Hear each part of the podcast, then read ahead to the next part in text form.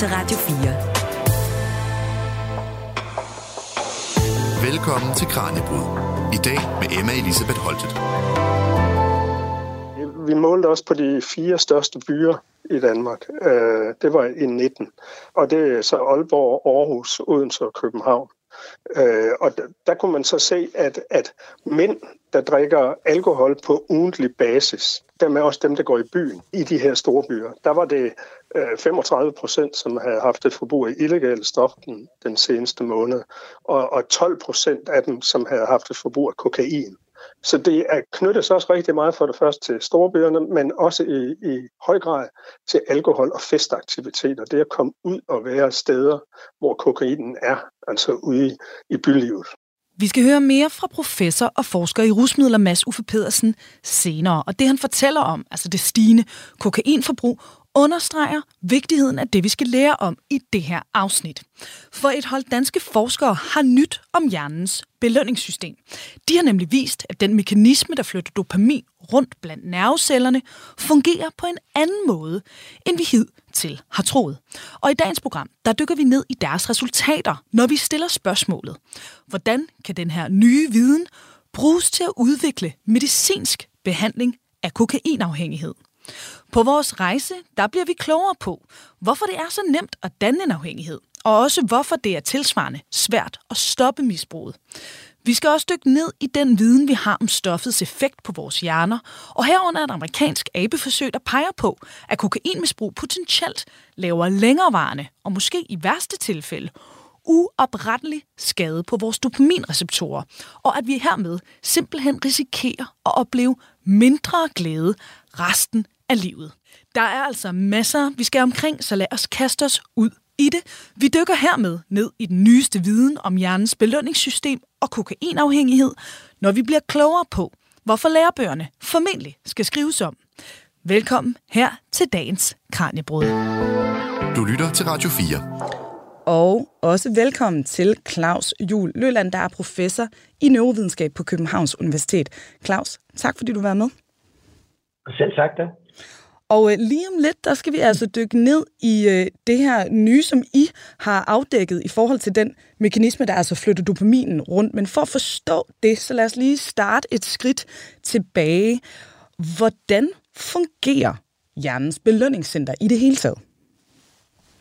Ja, altså vi har mange processer i hjernen, der foregår hele tiden, der modtager input fra vores sanseapparat for eksempel, og så bliver det vurderet i vores hjerne til, om vi for eksempel synes, det er en, et godt input, vi får, hvis vi for eksempel spiser et stykke chokolade. Er der mange, der vil synes, det, det, det virker rigtig godt på mig det her. Jeg vil, jeg vil gerne have et stykke mere. Øh, der kan også være input fra vores sanser, der har den modsatte virkning. Og, øh, og den vurdering af det vores sansindtryk, det skyldes øh, en udskillelse af øh, transmitterstoffet dopamin i vores belønningscenter, hvor, øh, hvor hvis vi synes, at det her det er et godt sansindtryk, øh, så, så vil det øge vores mængde af dopaminsignalering, og, og så modsat rettet, hvis, hvis øh, vi ikke bryder så meget om det. Så, så grundlæggende set, så det dopamin gør, det, det gør faktisk øh, også nogle andre processer i hjernen, men, men det der, jeg synes er det mest basale, og måske også øh, et af de allervigtigste, det er altså, at vi hele tiden skal vurdere den måde, som vi opfatter verden på gennem vores sanser. Kan vi lide det? Kan vi ikke lide det? Synes vi, at det her det er godt eller dårligt? Øh, vil det her motivere os til at lave en eller anden form for handling? Og det, øh, det gør vi gennem vores belønningscenter i hjernen, der ligger øh, helt basalt nede i det, der hedder den forlængede mag, altså i det, der er hjernestammen. Og derfor så er det ikke anderledes end det, som alle mulige andre dyr har. Altså selv øh, faktisk øh, fluer og små larver og sådan meget, meget lavestående dyr har det samme type af belønningscenter. Fordi de skal også søge hen imod for eksempel føde eller reproduktion, eller hvad der nu engang skal til, for at de skal opretholde livet. Øh, og det er fuldstændig de samme processer, der sker i vores hjerne, som faktisk der sker i deres hjerne. Og Claus, hvad er det, jeres hold har kortlagt om netop dopaminens vej rundt i det her system, som vi ikke har vidst tidligere? Ja, altså, øh, der, der vil jeg lige tage et skridt tilbage igen, for at sige, øh, den her dopamin, der bliver udskilt efter en stimulans gennem vores sanser, den skal jo også fjernes igen, så vi er i stand til at modtage et nyt signal fra mm. øh, vores, blandt andet vores sanseapparat. Øhm, og der har vi en, en meget, interessant, øh, meget interessant protein, der sidder i, øh, i øh, nervecellen og virker som sådan en molekylær støvsuger og suger den dopamin, der er frisat tilbage i nervecellen. Så den slukker for det signal, vi lige har fået, så vi er klar til at modtage et nyt. Øhm, på den måde kan vi jo så også påvirke vores dopaminsignal. Mm. Altså hvis vi på, med et eller andet stof, et øh, farmakologisk stof eller et, øh, øh, et stimulatorstof, som for eksempel kokain, øh, kan, øh, kan binde til den her dopamintransporter og stoppe for dens måde at, at transportere dopamin tilbage igen, så vil, øh, så vil vi lige pludselig opleve, at øh, så vil vi få en øget mængde af dopamin, øh, der aktiverer vores øh, dopaminreceptorer. Og, og det vil vi opleve som, at tingene er rigtig fede. Altså, øh, lige pludselig så, så selv de, de effekter, som vi egentlig ikke normalt får noget særlig meget dopamin for, vil jo få en dopaminudskillelse, eller i hvert fald få en dopaminpåvirkning. Så, så lige pludselig vil de øh, øh, ting, som vi normalt ikke vil få, øh, synes er særlig positive igennem vores sansapparat, de vil virke positivt. Mm. Øhm, og, og, og det er effekten af kokain faktisk. Det, som vi, lægger, det, som vi laver, det er, at vi kunne godt tænke os at hjælpe dem, der så bliver afhængige af sådan et stof som kokain. Øh, I dag, der har vi ikke noget øh, øh, medicament, altså der er ikke noget medicinsk behandling mod kokainmisbrug. Hvis vi kunne lave et stof, der kunne stoppe effekten af kokain, men stadigvæk ikke, men ikke i sig selv virke som kokain, altså øh, så den skal hindre, at kokain binder til den dopamintransporter, uden selv at virke som et kokainlignende stof så har vi en modgift eller en antidot eller en form for terapi imod kokainafhængighed. Øh, hvis man tager vores øh, stof, så vil man så ikke øh, få nogen effekt, hvis man kommer til at tage noget kokain efterfølgende. Okay, det er jo ret vildt, så man vil faktisk kunne behandle den her afhængighed medicinsk. Øh, I forhold til den nye krølle, kan man sige, på det her system, som, som I har opdaget, altså skal lærebøgerne til at skrives om nu, og i så fald, hvad skal der så stå i dem, som der ikke stod før? Ja, Nej, altså fordi vores udfordring er jo, at lige så snart vi skal have et stof, som skal hindre kokain i at binde, så binder det jo selv det her stof. Altså, ja. øh, og, og så har vi sådan set bare et nyt kokainmolekyle, og, og, og det, det går jo ikke. Det vi, øh, det vi fandt ud af, det er, at øh, den her dopamintransport, den, den virker øh, ved hjælp af øh, to øh, mekanismer. Den ene, det er øh, øh, salt natrium, som øh, driver processen af dopamin over om cellemembranen. Så vi har en høj koncentration af natrium uden for cellen, og en lille koncentration af natrium inde i cellen. Så natrium rigtig gerne ind i de her nerveceller, og det bruger den her dopamintransporter til at drive øh, transporten af dopamin. Det vi fandt ud af, det kan man ikke gøre så meget ved, altså det er simpelthen den grundlæggende øh, proces for det her, så, så det kan vi ikke rigtig røre ved. Men det vi fandt ud af, det var, at dopamintransporteren også øh, gør brug af øh, kalium, som mm. er i høj koncentration inde i cellen og gerne vil ud af cellen. Øh, og ved at bruge kalium, så kan den faktisk øge mængden af, øh, øge sin aktivitet i forhold til at transportere dopamin. Men, øh, men, men det er nyt. Det er ikke fundet før. Og, øh, og i alle lærebøgerne står der, at de her transporter, de er kun afhængige af natrium. Så man kan sige, at det vi skal skrive om, og det som vi har fundet af krølle på hanen, det er, at det er ikke kun natriumafhængige, de er også kaliumafhængige. Mm. Det kan vi så bruge øh, til at ændre på dopamintransporternes aktivitet. Senere hen, øh, det er ikke noget stof, vi har fundet indtil videre, men det giver os en, en ny øh, krølle på halen til at øh, modificere, for at ændre øh, transportprocessen. Øh, mm. Og, og kaliumprocessen er anderledes end natriumprocessen i den forstand, at den er ikke den er ikke nødvendig. Den kan faktisk transportere uden natrium, men, eller uden kalium. Øh, men hvis den gør det, så bliver den dødere. Det vil sige, at hvis vi kan promovere den her kaliumbindingseffektivitet, eller modulere den på en eller anden måde i forhold til kalium, så kan vi gøre det, uden at vi sådan set påvirker nogle af de andre processer, og på den måde ændre øh, virksomheden af dopingtransporterne. Mm. Og på den måde måske også hjælpe øh, folk til at komme ud af deres misbrug. Det er det, der hedder en allosterisk proces. Og vi skal dykke ned i senere, altså hvor langt det er i den her proces, og også hvordan man forsker i sådan noget her, det er jo også et forskningsområde, hvor der er nogle ret spændende spørgsmål i forhold til det etiske, i forhold til at lave forsøg og så videre. Så det øh, vender vi tilbage til senere. Men øh, lige i forhold til sådan at prøve at lave en opsummering for lytterne. Nu prøver humanisten her lige at lave sådan et recap af, af det her system, så må du rette mig, Claus, hvis det bliver ja. for, for karikeret. Ikke? Men så, okay, så, som jeg forstår det, altså vi, vi har simpelthen øh, op i, i vores hjerner, øh, sådan, øh, som du siger, altså den her sådan molekylære støvsuger på en eller anden måde, der sørger for, at når vi øh, har fået udløst noget dopamin og er blevet glade, har fået en eller anden naturlig eller unaturlig øh, rus, øh, så skal det ligesom øh, støvsuges op og tilbage i systemet. Øh, mm. Så hvis der bliver lukket ned for den her støvsuger, som du siger, som kokain altså gør, ja, så får man sådan midlertidigt meget mere dopamin koncentreret i hjernen, og derfor det her high, men vi vil så mangle det bagefter. Er det ja. øh, er, er meget groft sagt, er det, er det rigtigt opsummeret?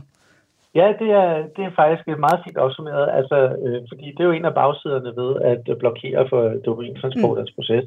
Øh, ikke alene så øger man mængden af dopamin, og det kan man jo sige, det er jo, det er jo sådan set bare positivt. Altså lige pludselig så vil folk jo så være gladere og mere motiveret, og, og selv en leverpostejsmad vil måske øh, smage chokolade. Øh, så, så, så det kan jo ikke sådan umiddelbart til noget negativt i, at, mm. at vi får mere dopamin i vores hjerner. Øh, problemet er, at den dopamin, der bliver frisat, den bliver jo transporteret tilbage, så den kan bruges en gang til mm. øh, under normale omstændigheder. Lige så snart, at vi tager et stof som kokain og blokerer for den her tilbagetransport, mm. så udvasker vi mængden af dopamin i vores nerveceller. Så vil den ikke kunne frisætte den mængde dopamin, som den kunne før, ved en eller anden given stimulans fra vores sansapparat. Og så er vi lidt på den, Mm. Øh, fordi så vil de, øh, øh, de positive sanseindtryk, som vi normalt får, de vil ikke udskille så meget dopamin, som, øh, som de ellers ville. For der er ikke noget dopamin tilbage at udskille. Altså, vi skal jo huske på, at nerveceller er jo sådan set ikke intelligente i sig selv. Det er jo ikke sådan, at de måler på mængden af dopamin og siger, mm, så, må jeg, så må jeg hellere pakke noget mere sammen, fordi mm. der, øh, der er et eller andet galt her, eller noget. Den reagerer jo bare på de indtryk, den får. Det er jo først, når vi har 100 milliarder nerveceller sat sammen, at vi kan begynde at sige, at jeg tænker, derfor er jeg, og jeg er filosofisk og kreativ og sådan noget. Mm. Hver enkelt nervecelle i sig selv øh, reagerer jo bare på de stimulanser, som den modtager. Mm. Og det, som, som den tror, den gør, den tror jo heller ikke noget, for den tænker ikke, men det, der sker, det er, at den frisætter de her vesikler, som skulle være fyldt med dopamin, der er bare ikke noget i. Så den tror, den gør det rigtige. Der kommer bare ikke nogen aktivitet, som kan aktivere de her øh, dopaminreceptorer, og derfor giver os den her stimulatoriske effekt fordi vi har brugt eller udvasket al vores dopamin det ikke at kunne genbruge det. Ja, man kan faktisk se, at, øh, at på mus, hvis man giver dem øh, kokain over længere tid, så er de omkring 5% tilbage af den dopamin, de, øh, de ellers ville have. Det er jo ikke meget, der er tilbage, kan man sige, hvis, hvis, man, øh, hvis man kun øh, beror på det, der hedder de novo syntese, altså resocialisering af ny dopamin fra nervesiden. Mm.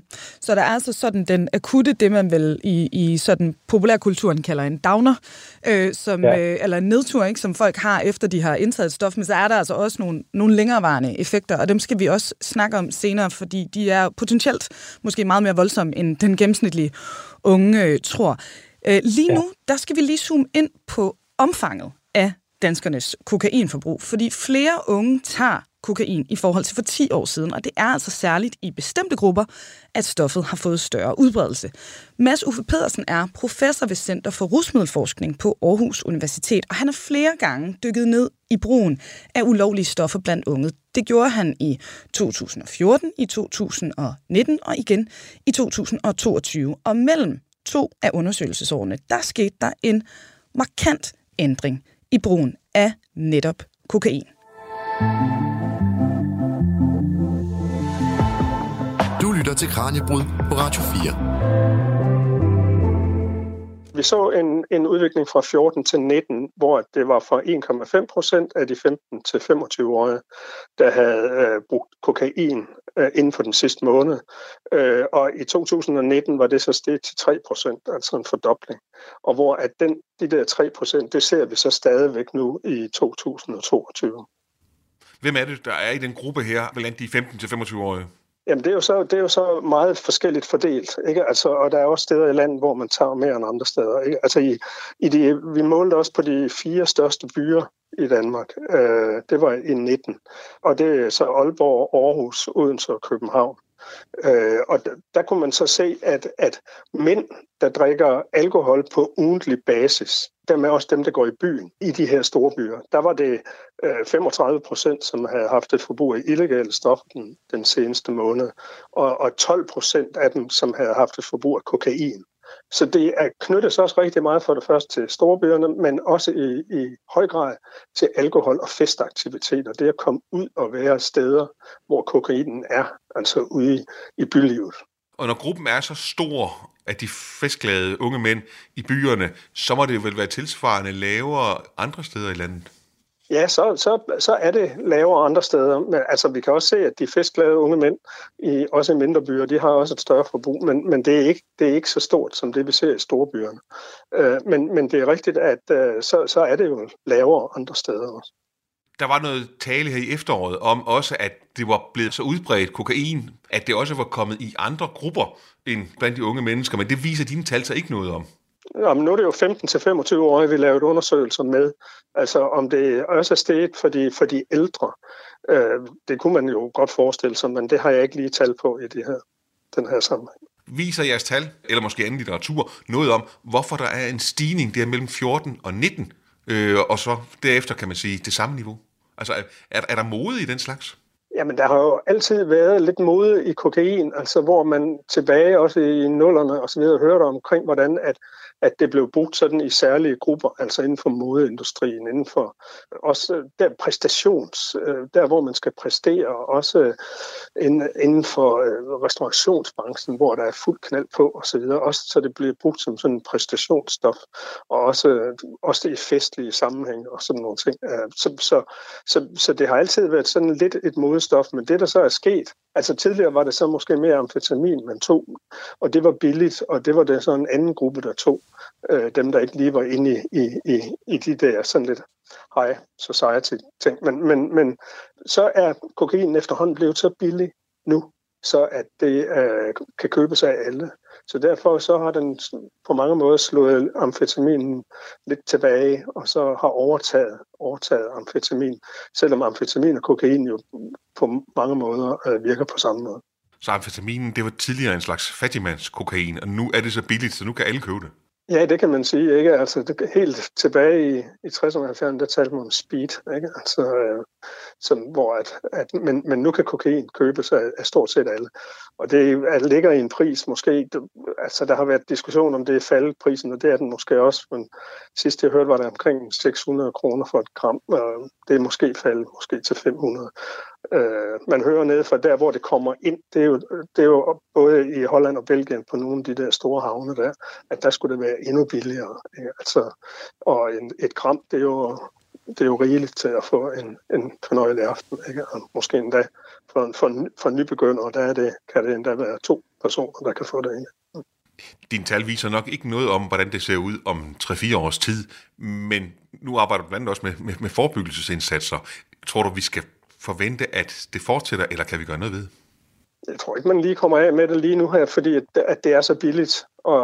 Og, og det er jo, altså specielt i Storbritannien, hvis vi er ude i de små byer, så kan politiet måske lige finde dem, som, som nu øh, sælger det og så videre. Og det er sådan forholdsvis få, og dem kender de måske også, de der miljøer. Men inde i storbyerne, der er det jo vanskeligt. Hvis man finder nogen, der, der sælger det og, og får fat i nogen, så er der altid nogen til at tage over.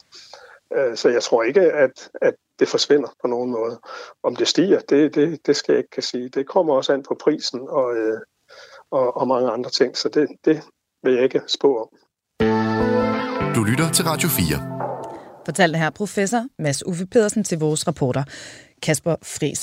Og øh, ja, Claus, altså inden vi bevæger os videre, altså det er jo i mine ører nogle ret vilde tal, vi hører her, ikke? i forhold til, hvor meget de her festglade unge mænd i storbyerne, de tager af, af kokain. Det gør jo næppe jeres forskning mindre relevant, det her. Hvad, hvad tænker du i forhold til det, vi hører i indslaget? Jeg synes også, det er nogle vilde tal. Altså, øh, det, det er jo, hvis det er 12 procent af de festglade unge mænd i den aldersgruppe, der, der tager stoffet i Danmark, og man kan se, i hvert fald de data, jeg har fra EU, der er der ligger Danmark i en sådan pæn middelgruppe mm. øh, i forhold til det kokainforbrug, der er. Så, så det er altså langt større så de andre lande. Jo, det, det er rigtig mange mennesker. Det. Ja, det er vildt. Altså nu, jeg bor jo i Aarhus, ikke? Det er den yngste by i Danmark, så kan man jo lige pludselig så forestille sig, hvis man tager hen på en ja. given øh, natklub et eller andet sted, at, øh, at over hver tiende mand, man så møder i den aldersgruppe potentielt, altså er påvirket af, af kokain. Ikke? Det, øh, ja. øh, det havde jeg måske ikke lige regnet med, men øh, ja, øh, det øh, er nogle... Øh, stigende, som vi ser øh, tal, og altså måske også et spørgsmål om, som der også bliver fortalt i indslaget, at øh, det er kokain, så den er for det første blevet billigere, øh, og derfor altså også nogle andre stoffer, der måske bliver indtaget mindre. Men hermed, der skal vi til næste stop, fordi nu er det altså blevet tid til at se endnu nærmere på, hvad vi egentlig ved om kokainafhængighed og dopamin, og herunder også, hvilke kortvarige, men måske også uoprettelige effekter det kan have på de her festglade menneskers hjerner, hvis øh, forbruget det bliver for højt.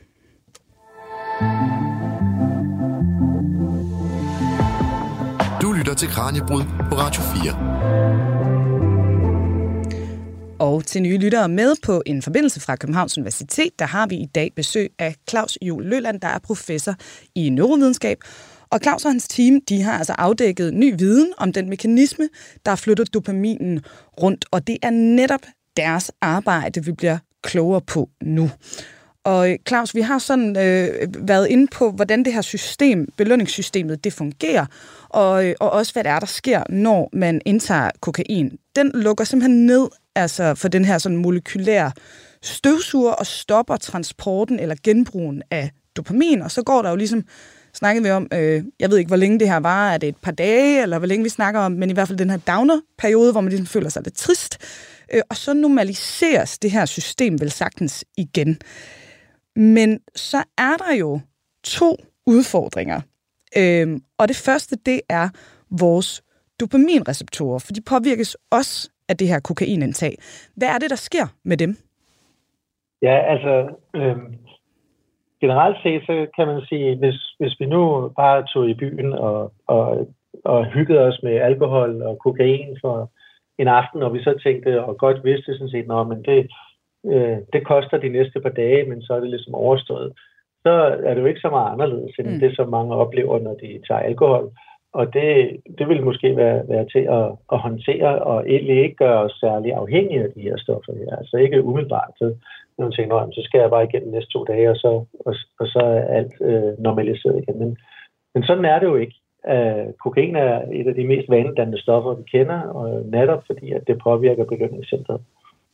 Um, og en af grundene til det, altså udover selvfølgelig, at, at, at den down-periode, man, man oplever dagen efter, mm. er jo væsentligt forskellig fra det, der sker med alkohol. Man har jo ikke nogen hangover på samme måde. Man synes bare ikke, at verden er særlig fed. Mm. Og øh, for at så lille som at synes, at verden er fed igen, så kan man jo for eksempel tage noget kokain. Det er jo en god, altså en hurtig løsning, som, øh, som ikke giver de der øh, sløvende og, og dårlige øh, giftagtige påvirkninger, som man får af alkohol, men, men sådan set bare får en op til normalen igen. Mm. Øh, så det kan selvfølgelig, det kan selvfølgelig øh, øh, kan man sige, motivere en til at tage noget mere kokain umiddelbart. Hvis man nu tænker, ej, øh, det, øh, det er jo ikke så godt for mig, jeg, jeg, jeg venter med at tage det til næste gang, jeg skal til fest øh, på fredag, så, øh, så vil man jo få no, i hvert fald for de fleste vedkommende kunne nå at få normaliseret sin dopamin øh, i løbet af den her uge, der nu går, hvor man ikke er på kokain. Så vil øh, nervecellen syntetisere noget nyt i, i forhold til det, man har tabt, og så vil det her øh, mængden af dopamin kunne nå at normalisere sig igen til næste gang. Og så er det rigtigt nok. Så hvorfor bliver man så afhængig af de her stoffer her? Der er grundlæggende øh, to ting, som, som sker. Den ene, den er helt basal. Når du tager kokain, øh, så synes du, det er rigtig fedt. Øh, og det vil langt størstedelen, altså som i nok alle dem, der tager det i forhold til festligt øje med, det vil de synes. Mm. Det her, det er et rigtig fedt stof. Og derfor så, øh, så vil man rigtig gerne tage det, og hvis man ikke har taget det et stykke tid, så kan man huske, hvor fedt man havde det sidste gang. Og derfor vil man gerne tage det igen. Mm. Og det er jo en helt, øh, helt øh, basal effekt, som vi også godt kender fra alle mulige andre ting. Hvis man tager et stykke chokolade, så vil vi også gerne have et stykke mere. Øh, en, et glas rødvin kan sjældent være nok. Så der, det, det er helt basalt. Mm. Den anden effekt er mere sådan fysiologisk. For selvfølgelig, udover at hjernen husker, øh, hvordan vi har haft det, så reagerer den også på stimulanser, der er øh, så kraftige kemiske stimulanser, som kokain er. Øh, og, og, og det, den blandt andet gør, det er, at de øh, dopaminreceptorer, som sådan set giver os den her positive følelse af den øgede dopamin, øh, de vil øh, reagere på den her kæmpe mængde af dopamin, der kommer ud, eller der vil være øh, i, øh, i synapsekløften, altså der bliver frisat, mm. fordi vi ikke får det transporteret tilbage igen, så vil der være mere af det. Der hvis er så meget, så de her receptorer her, de reagerer ved at, øh, at fjerne sig fra overfladen af de her nerveceller. Altså øh, modtagernerven, som skal, som skal være den, der egentlig giver os den her stimulatoriske effekt af det fede, vi oplever, den bliver mere tykhudet. Der skal altså mere dopamin til for at stimulere den. Øh, og og det er, jo, det er jo ikke så godt, fordi det er en langsom proces. Det er sådan noget, der sker efter nogle gange, man har taget det og sådan noget. Og så, og så begynder de her dopaminreceptorer langsomt at nedregulere sig, og så, så kommer de ikke sådan rigtig tilbage igen. Mm. Og det var det, jeg lidt teasede for i, i indledningen. Altså, der er jo ja. det her abeforsøg, du fortalte mig om, inden vi, vi gik i studiet. Et amerikansk ja. forsøg, så vidt jeg husker. Ja. Vil du ikke lige fortælle, hvad det var? Fordi jeg synes, det er nogle ret vilde ting, de har øh, fundet ja. ud af der. Jamen, jeg synes også, det er et vildt studie. Jeg, jeg elsker det studie simpelthen. Og jeg er så glad for, at der, der er nogen, der, der har nerverne og, og, og muligheden for at arbejde med aber i sådan noget her, fordi det har jeg bestemt hverken lyst eller råd til. Men på Harvard øh, har de lavet et abeforsøg, fordi det jo meget svært at få øh, mennesker, øh, altså, som jo sådan set er de bedste forsøgspersoner, vi kan anskaffe, mm. øh, til at, at komme ind og sige, nu skal vi lige gøre det afhængig af kokain, og så ser vi målet på din hjerne før og efter. Øh, så, så tit så, når man kigger på øh, øh, hjerner fra kokainafhængige, så ved man jo ikke, om, om de ser anderledes ud, fordi at man har taget kokain, eller om de var anderledes, og derfor mm. tager man kokain. Så, så det elegante ved det her forsøg, det er, at de har taget aber, som ligner rigtig meget mennesker, og så, gjort, og så kigget på deres hjerner og deres aktivitet i belønningscentret, og så set, hvad sker der så, når vi gør dem afhængige af kokain. Øh, og så har de givet dem kokain i, i, i længere periode, øh, og, så, og så ser de faktisk den her observation, som, som er den, de rapporterer i det her studie, at mængden af dopaminreceptorer falder. Falder ret meget faktisk øh, over den her periode, hvor de tager kokain så stopper de med at give dem kokain, og de kan jo også kontrollere, altså hvis man har forsøgspersoner afhængige af kokain, så kan de godt komme ind øh, på et laboratorium en gang imellem, og så siger de, jeg har ikke taget kokain, men man kan jo aldrig vide det, om de rent faktisk øh, har holdt sig på måtten. Det ved man med de her aber, ja, fordi de er jo desværre i det her bur. Og så kan man så måle deres dopaminreceptorer, hvor lang tid det tager for de her receptorer at komme tilbage igen. Fordi ligesom med mængden af dopamin, så vil det normalisere sig på et tidspunkt. Måske. Mm. Og de kiggede på, øh, så vidt jeg husker, 24 aber, de havde det her studie. Det er en pæn, pæn øh, mængde af, af så højt stående dyr, som man kigger på. Mm. Og øh, for 75 procent af dem, der, kom mængden af, der blev mængden af dopaminreceptorer normaliseret igen efter 9 måneder. Så stoppede de forsøget. Mm. Så vi ved ikke med de sidste 25 procent, om de kommer tilbage. Og hvad, hvad kan man sige ud af det? Hvad, hvad, hvordan forestiller vi os, at de her aber her, de har det, når de har færre dopaminreceptorer? Jamen, i starten i hvert fald, når dopaminreceptormængden den er faldet så drastisk, som den er der, så vil jeg tro, at man ikke fik nogen særlig aktivitet i sit belønningscenter af at spise chokolade, eller at når solen skinner som en dejlig dag i dag, at man vil ud i, den, i det gode vejr, eller man hører fuglene synge. Nogle af de der øh, små øh, belønninger, man får i hverdagen, mm. dem vil man simpelthen ikke lægge mærke til. Men det synes jeg jo... Der, så skal der noget mere til. Det, det, er jo, ja. det, er jo, det er jo en vild ting, ikke? Altså, og nu ved jeg godt, det er jo ikke sikkert, at det ja. så vil stoppe øh, de her, som vi hører, 12 procent af, af de festglade unge mænd i storbyerne fra at tage kokain. Men det er da lige værd at fortælle dem, ikke? Og sige, når man laver mm. oplysningskampagner, potentielt en fjerdedel af jer vil bare, måske, måske for evigt faktisk, være mindre glade i jeres hverdag, hvis I når op på et eller andet vist forbrug. Ikke? For jeg gætter på, ja. det skal vel, altså skal man ikke have et relativt stort forbrug, inden det her det sker, eller ved vi faktisk ikke noget om det? Kan det også bare ske på sådan et rekreativt niveau, Claus, hvis vi må kalde det sådan? Ja, det kan man godt kalde det. Jamen, altså faktisk, øh, så, så kan det ske efter første gang. Det er jo vildt. Okay. Og, og det, det, det kan jeg sige, fordi at der er mange kokainmisbrugere, der siger, at første gang, de tager kokain, den allerførste mm. gang, det er den vildeste gang. Der oplever de det, som de rapporterer som suset, og det sus, man får af at stimulere sit belønningscenter så enormt meget, som mm. man gør af den her øh, kokain, man tager første gang, hvor, hvor det overhovedet, altså hvor belønningscenteret eller hjernen i det hele taget slet ikke er parat til, øh, øh, til det her kemiske stof. Det skulle være så fantastisk, at, øh, at der er rigtig mange, der bliver afhængige af bare at prøve på at få det ene sus igen. Mm. Men ligegyldigt, hvor mange gange de tager kokain bagefter, så oplever man ikke suset en gang til. Og det betyder jo sådan set for mig, at hjernen er øh, kemisk forandret efter første gang, fordi effekten af kokain er forskellig anden gang, end den var første gang. Ja. Så, så noget sker. Det er jo så spørgsmålet, om man, kan, om man kan mærke det på sin hverdag og sin belønning og sådan noget. Men, men hjernen er jo foranderlig, øh, og, og et organ, lige så vel som når vi øh, dyrker sport og træner, så øger vi vores muskulatur. Så ligesom hvis vi øh, laver, studerer matematik øh, eller spiller skak eller sådan noget, så øger vi vores og, og styrker vores hjerne. Øh, og den kan vi altså også påvirke på andre måder med for eksempel øh, kokain eller andre stoffer på den sags skyld, som vi også tager øh, for at øh, ændre på vores øh, personlighed.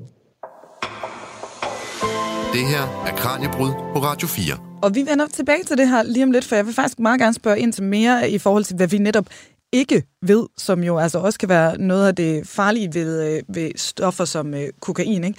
Men lad os lige mm. sådan dykke ned i det, I, I sidder med lige nu, for vi har talt om den her nye viden, I har afdækket omkring den her øh, mekanisme og, og, og dopamins vej rundt i det her system. Det betyder jo altså, at I sidder og kigger på, kan man bruge det her til rent faktisk at tilbyde medicinsk behandling til kokainmisbrugere. Så jeg bliver nu nødt til at spørge, Claus, det er det irriterende journalistspørgsmål, I får det sikkert tit. Hvor lang tid går der så? Altså, hvor langt væk er I fra, at det her rent faktisk kunne komme ud i behandlingssystemet? Ja, og der, der svarer også forskere for det meste efter meget lang tids overvejelse 10 år.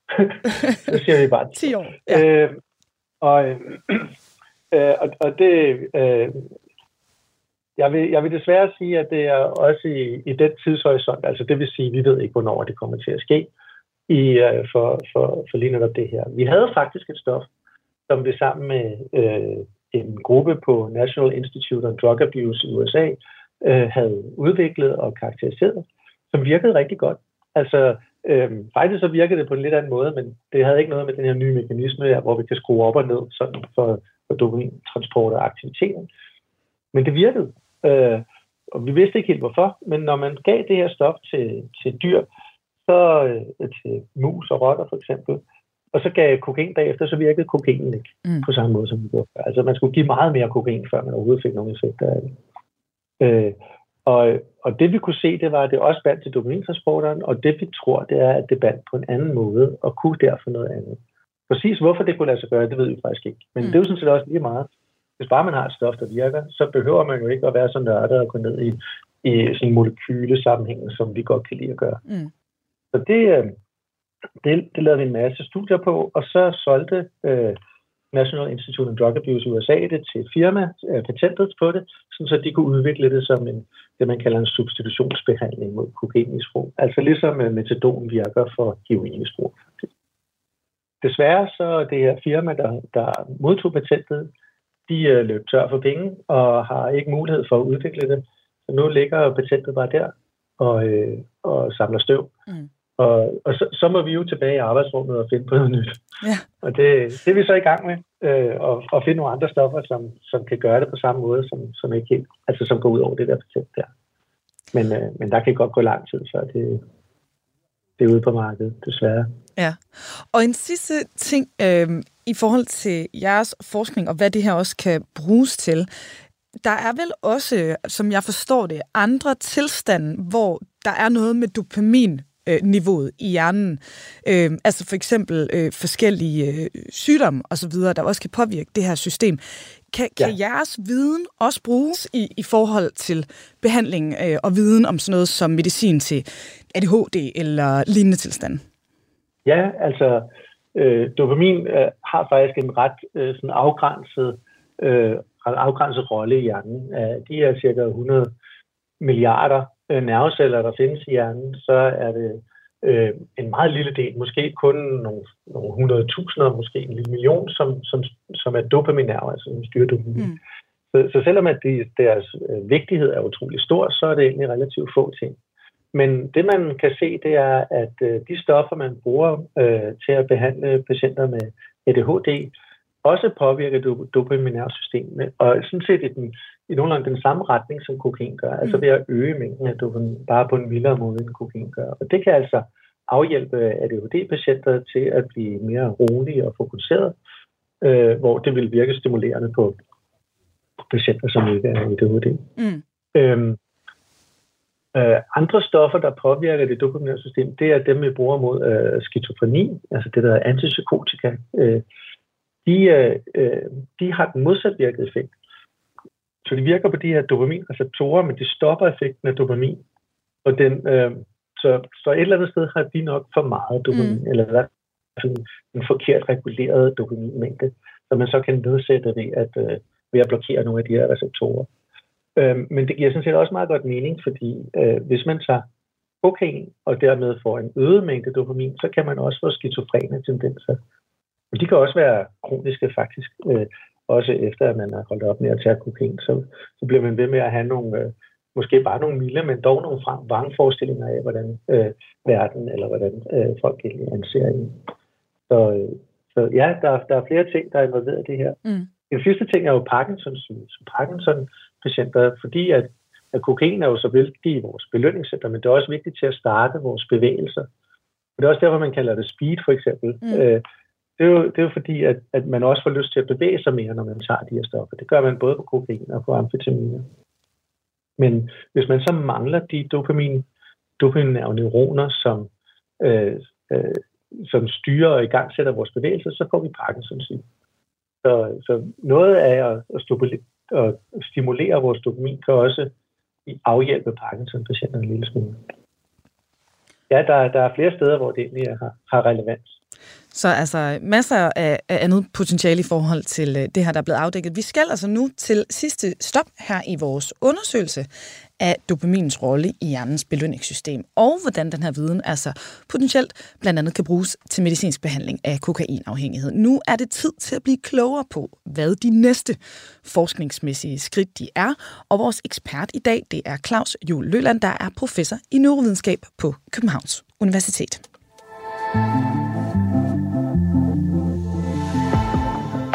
Lytter til Kranjebrud på Radio 4. Og Claus, jeg ved godt, det her det er et rigtig stort spørgsmål, men altså, vi har været lidt ned i det, men lad os lige folde det her mere ud. Hvad ved vi stadig ikke om dopamin og dens rolle i det her belønningssystem? Ja, altså der er rigtig meget om dopamin, vi ikke ved noget som helst om. Øh, så, så, men men, det, men det, kan vi, det vi kan gøre i hvert fald, det er at gå ned i noget lidt mere konkret og sige, okay, Øh, for eksempel, hvordan bliver det fjernet igen? Hvordan virker den mm. her transporter rent faktisk, når vi, når vi ser på sådan de molekylære øh, måder, som den kan gribe dopamin på øh, ydersiden, og så transportere det ind på indersiden. Øh, og, og for at gøre det, så vil vi jo rigtig gerne finde ud af, hvordan, altså, hvordan ser den ud? Hvordan er den fysisk op, opbygget af de her aminosyre, som egentlig laver det her protein? Øh, og, øh, og, og til det har vi faktisk fået udviklet en metode. Øh, de fik Nobelprisen for det i 2017, mm. tror jeg det var. For at, øh, øh, eller i 2014, tror jeg, sådan cirka. Øh, for at lave det her supermikroskop, der er så kraftigt, øh, at det rent faktisk kan se, hvordan en protein, et, et protein ser ud. Og, og for lige at give jer en fornemmelse af, hvor små sådan nogle proteiner er, og hvorfor det er så svært at se gennem selv de vildeste mikroskoper. Så hvis man tog øh, 10 millioner mennesker og sat oven på hinanden, øh, så vil man få diameteren af jordkloden, altså det vil være rimelig højt. Øh, så hvis man tog øh, 100 millioner, altså 10 gange så mange af de her proteiner, og sat oven på hinanden, så vil det give højden af et menneske. Altså, okay. ja. de er virkelig, virkelig små. Øh, så man har, man har før i tiden øh, haft nogle andre metoder til måske at kunne visualisere den her på, som har været virkelig svært, som nærmest en kunstart at bruge. Men, men den her, det her mikroskop har altså gjort, at det bliver meget mere tilgængeligt og muligt at løse strukturen eller finde strukturen på de her proteiner. Og sådan et, øh, sådan et øh, mikroskop har vi, at der er faktisk to på Aarhus Universitet, og der er mm. også her, her på Københavns Universitet, hvor vi kan tage og, og putte øh, øh, dopamintransportermolekyler ind i mikroskopet, kan man sige, så, og så, så se, hvordan det ser ud. Øhm, det er stadigvæk sådan, som, så proteinerne er så små, at hvert enkelt protein ikke rigtig øh, giver os nogen som helst øh, øh, idé om, hvordan det ser ud. Det, det ligner sådan nogle små blobs, okay. Og det er også, øh, metoden er også kaldt blobology på grund af det. Altså det ligner sådan nogle små kub. Men, øh, men fordi at de er så små, så kan man putte rigtig mange ind samtidig. Mm. Øh, og det vi har gjort, det er at, at, at, at kigge på omkring 20 millioner af dem på én gang. Og så finde de bedste.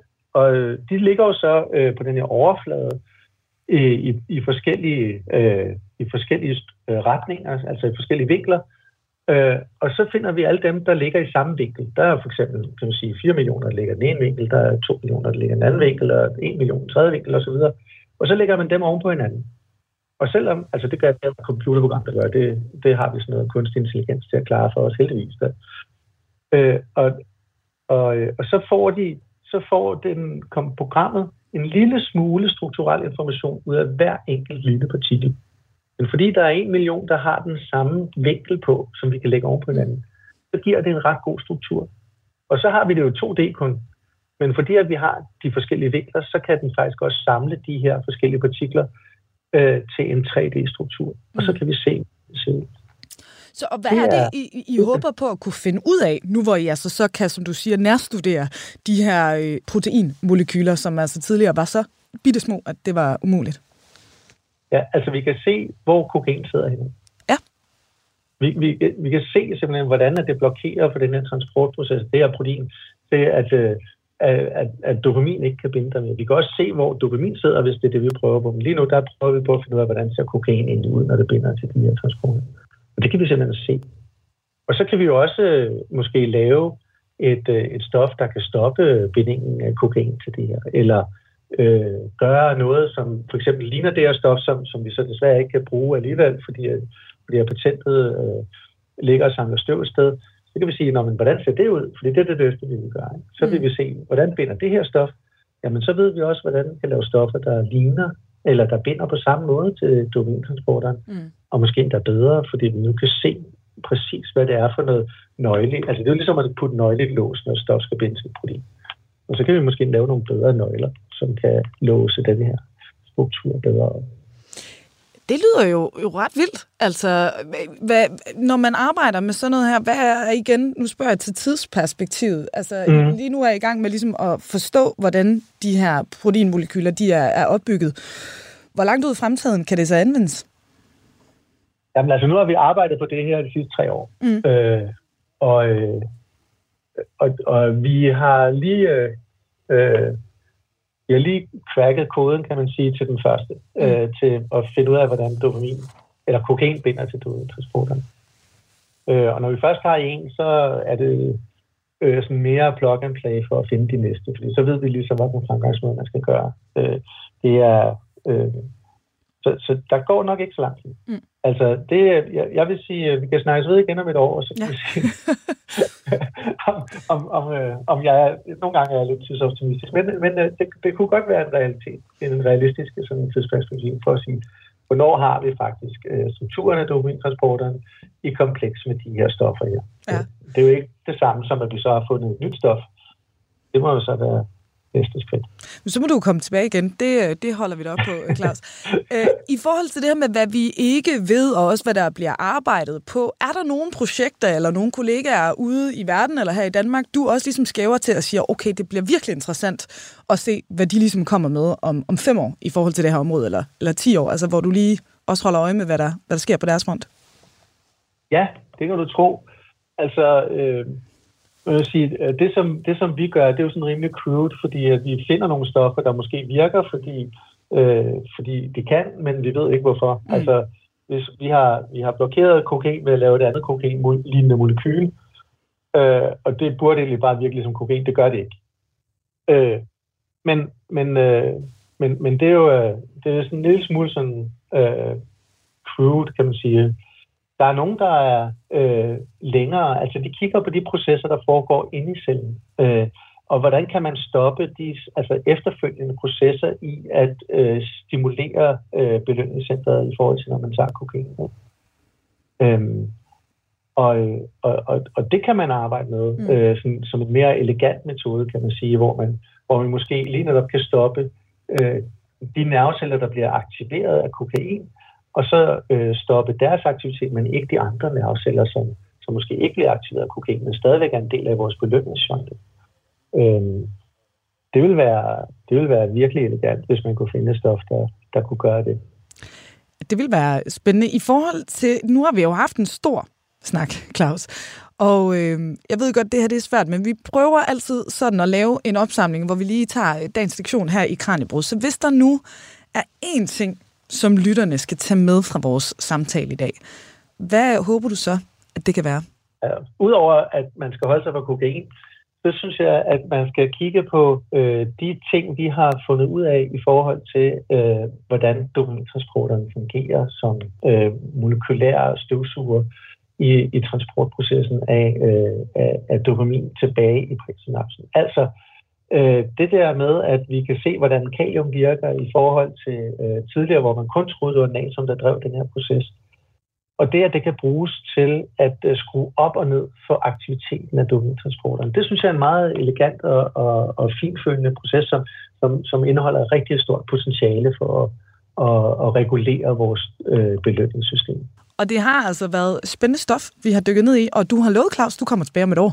Så vi ringer, vi ringer til dig igen. Det, det hænger man på, når man har sagt det her kranjebrud. Det bliver her med ordene i dagens program. Claus Juhl Løland, professor i neurovidenskab på Københavns Universitet. Tusind tak, fordi du ville gøre os klogere på jeres forskning her i dag. Selv tak. Lytter til Kranjebrud på Radio 4. Og også tak til dig, der lytter med. Vi er selvfølgelig tilbage i morgen kl. 12.10, hvor vi undersøger, hvordan unges sexliv og grænser påvirkes af alkoholindtag. På torsdag der er der nyt om ærtebøllemanden, for Danmarks berømte jægersamler, han har fået en søn, og det her er altså et ret sensationelt fund. Vi hører derfor både fra lederen af det hold, der har gjort selve opdagelsen, og fra en af dem, der kender ærtebøllefolkene, og ikke mindst deres berømte køkkenmøding aller, allerbedst. På fredag, der gæster forfatter og ekspert i mystiske væsener, Kenneth Bøge Andersen studiet, når vi dykker ned i Dracula. Og her får vi blandt andet svar på, om gysergenrens ultimative monster må er baseret på en virkelig person. Men lige nu, der er det altså lige om lidt tid til nyhederne. Vi runder afsnittet her af med en lille bid af en klassiker, når det kommer til sange, der kan lære os om hjernens opbygning. Du får nemlig starten af Kids Learning Tube hittet Brainsong. Og hermed er der ikke andet tilbage end at sige på genhør, og tak fordi du lytter med. Mit navn er Emma Elisabeth Holtet, og Kranjebrud er produceret af Videnslyd for Radio 4. I'm your brain, part of the central nervous system. Your cranium's my home, and if you want to learn, then listen. I'm the boss of all the functions in your body. I weigh about three pounds, The cerebrum controls your thinking and your muscles. It also stores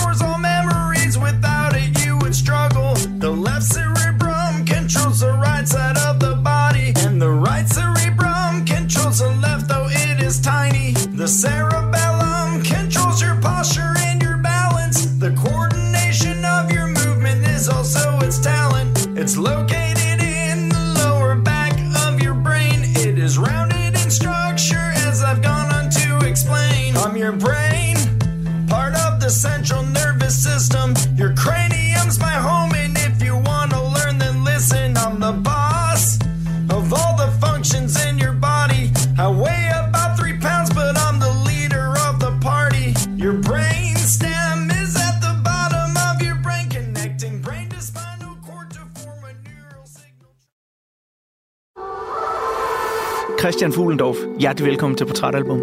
Tak skal du have. I Portrætalbum bruger Anders Bøtter musikken til at vise nye sider af sine gæster. Der kom The Doors. Jeg tænkte, det lyder kraftigt mærkeligt, det der. Jeg får langt fuldskæg og langt hår. Nok inspireret af Jim Morrison. Der var en mand, der var på en rejse, og jeg var selv på en rejse. Og hvis vi havde mødt hinanden, så ville vi helt sikkert hilse på hinanden. Lyt til Portrætalbum i Radio 4's app, eller der, hvor du lytter til podcast. Der var lige et øjeblik af sådan en... Jeg blev hørt. Der var en, der har tænkt noget, jeg har også tænkt. Radio 4. Jeg er ikke alene. Der er også en, der tænker noget mærkeligt. Ikke så forudsigeligt.